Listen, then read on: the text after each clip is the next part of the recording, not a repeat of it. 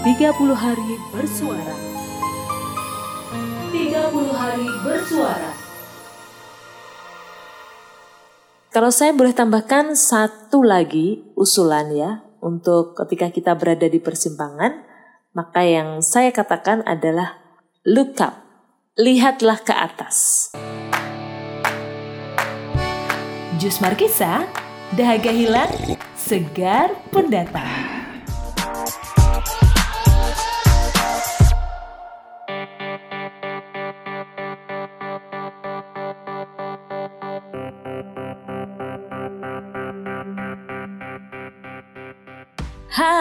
Juicers, ketemu lagi dengan Susan Wibowo di sini di podcast Jus Markisa, podcast yang menyegarkan dalam setiap episodenya.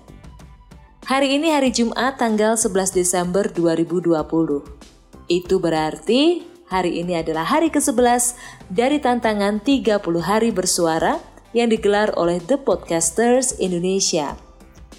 Juicers malam ini dingin sekali ya, di luar sedang hujan deras, hujan yang turun sejak dari sore sampai malam hari ini dan tidak berhenti-henti. Dingin, tetapi justru karena dingin-dingin inilah, maka ide untuk bikin podcast dengan topik persimpangan ini muncul. Setelah seharian tadi mikir-mikir-mikir mau cerita apa, akhirnya baru malam ini bisa cerita. Ngomong-ngomong soal persimpangan, pasti yang muncul dalam benakmu adalah sebuah jalan yang melintasi jalan lain, ya kan? Sehingga ada perempatan lah ya di situ.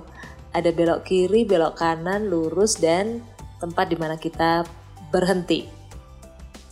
Kalau menjadi seorang wisatawan atau menjadi orang yang baru pindah di kota yang baru dan di zaman yang teknologi informasi dan komunikasi belum secanggih sekarang, alias waktu itu belum ada Google Maps, dijamin kamu bakalan gampang tersesat ke mana-mana kalau jalan-jalan itu tidak ada papan petunjuk atau antara jalan yang satu dengan jalan yang lain sangat mirip.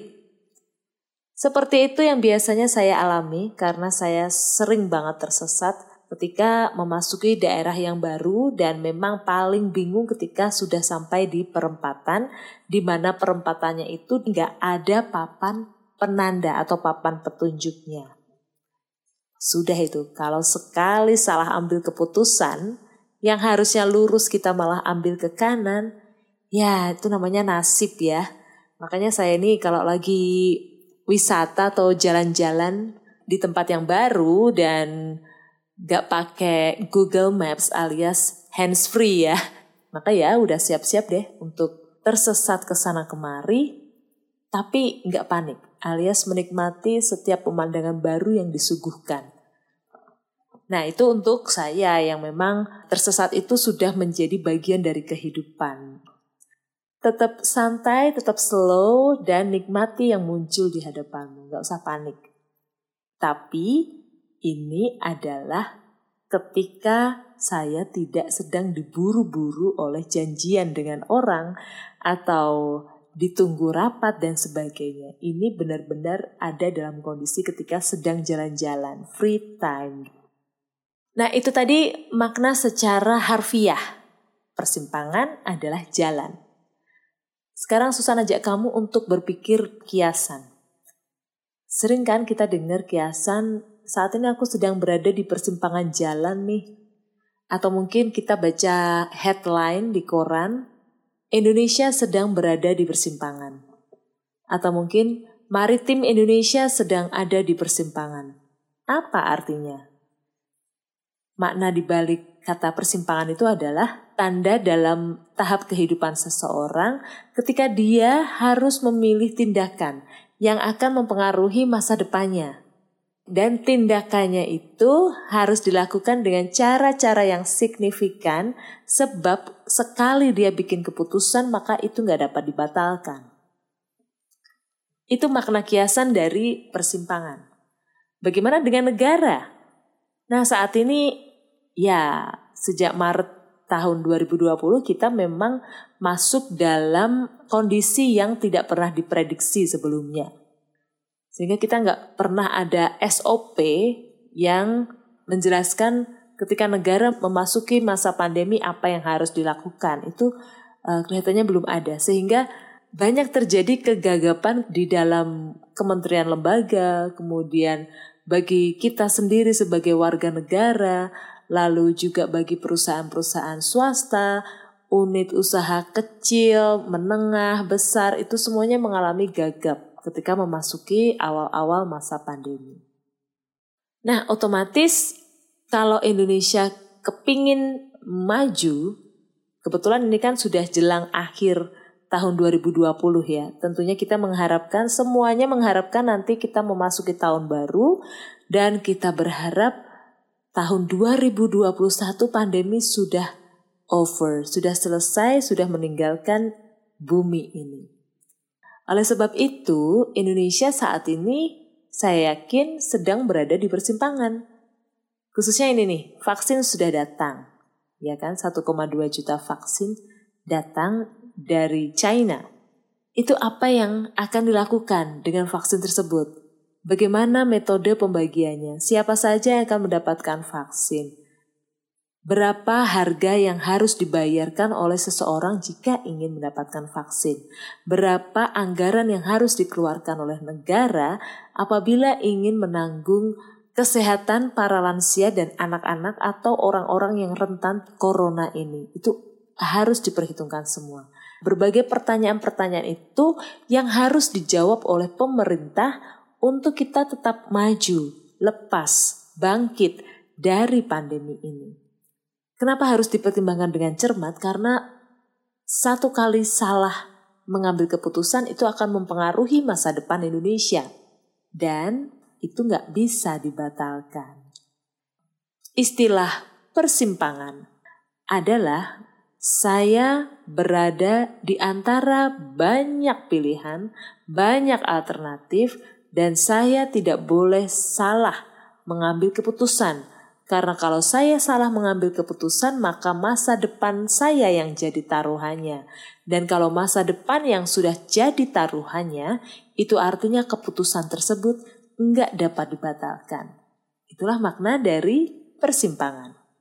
Nah, juicers, kamu tahu nggak bahwa sesudah kita mengambil keputusan yang tidak bisa dibatalkan, itu ada lagi idiom yang muncul yang seiras dengan istilah persimpangan ini.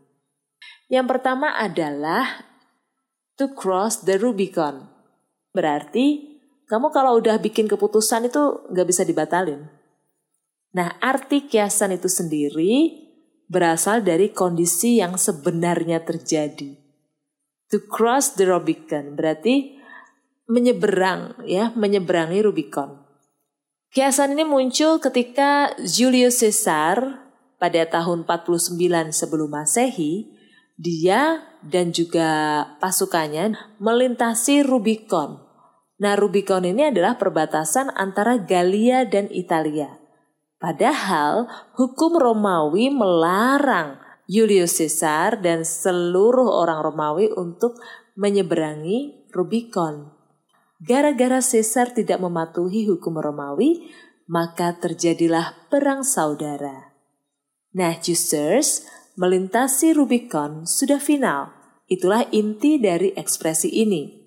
Jadi, ketika kita sudah melintasi Rubicon, itu berarti tidak ada jalan untuk mundur.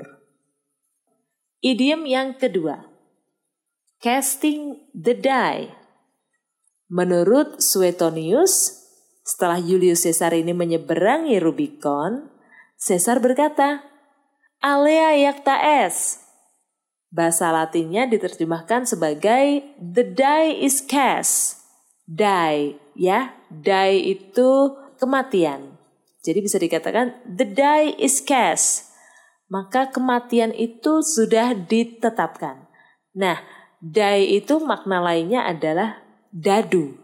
Dadu dalam bentuk tunggal itu namanya dai.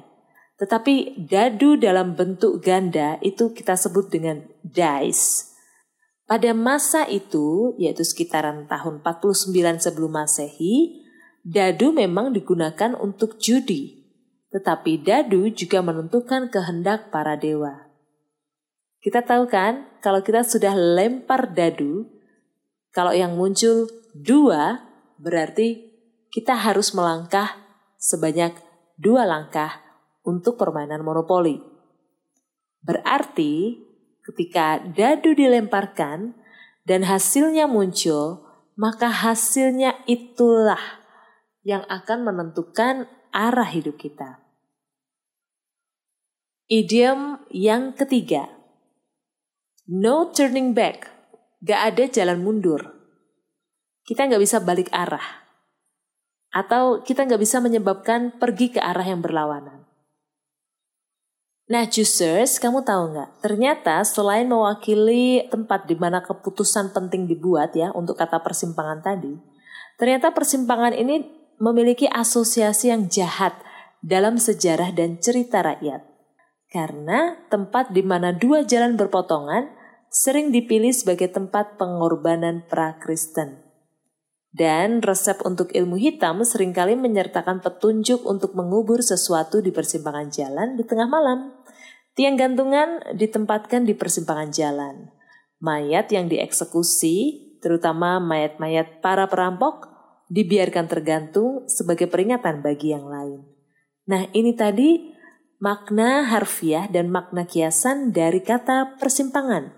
Kalau saya boleh tambahkan satu lagi usulan ya, untuk ketika kita berada di persimpangan, maka yang saya katakan adalah look up lihatlah ke atas. Karena kalau kita melihat ke depan itu yang muncul memang empat jalan itu tadi. Tetapi kalau kita melihat ke atas, kita akan tahu arah matahari ada di mana. Minimal kita tahu bahwa arah matahari terbit adalah timur dan matahari terbenam adalah barat. Minimal itu.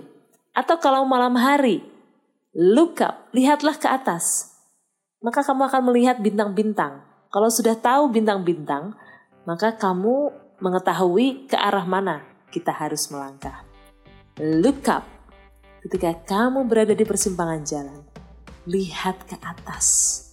Ketika kamu dihadapkan pada beragam pilihan yang itu menentukan masa depanmu, dan kamu bingung mana yang harus kamu pilih, dan kamu bingung keputusan apa yang harus kamu ambil lihatlah ke atas, berdoalah kepada Tuhan.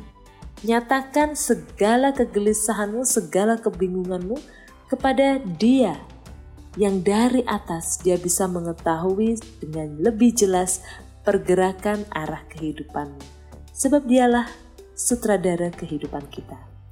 Jangan pernah bingung ketika berada di persimpangan, Jangan ambil keputusan apa pun kalau kamu belum melihat ke atas.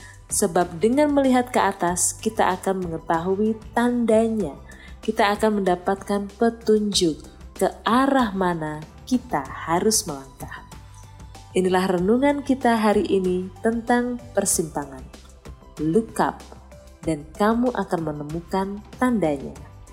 Jangan sampai tersesat ya, Jesus ya cukup saya saja yang tersesat, karena tidak semua orang memiliki ketahanan hidup yang kuat kala tersesat. Sampai ketemu besok, 12 Desember 2020. Saya Susan Wibowo pamit. Sampai jumpa.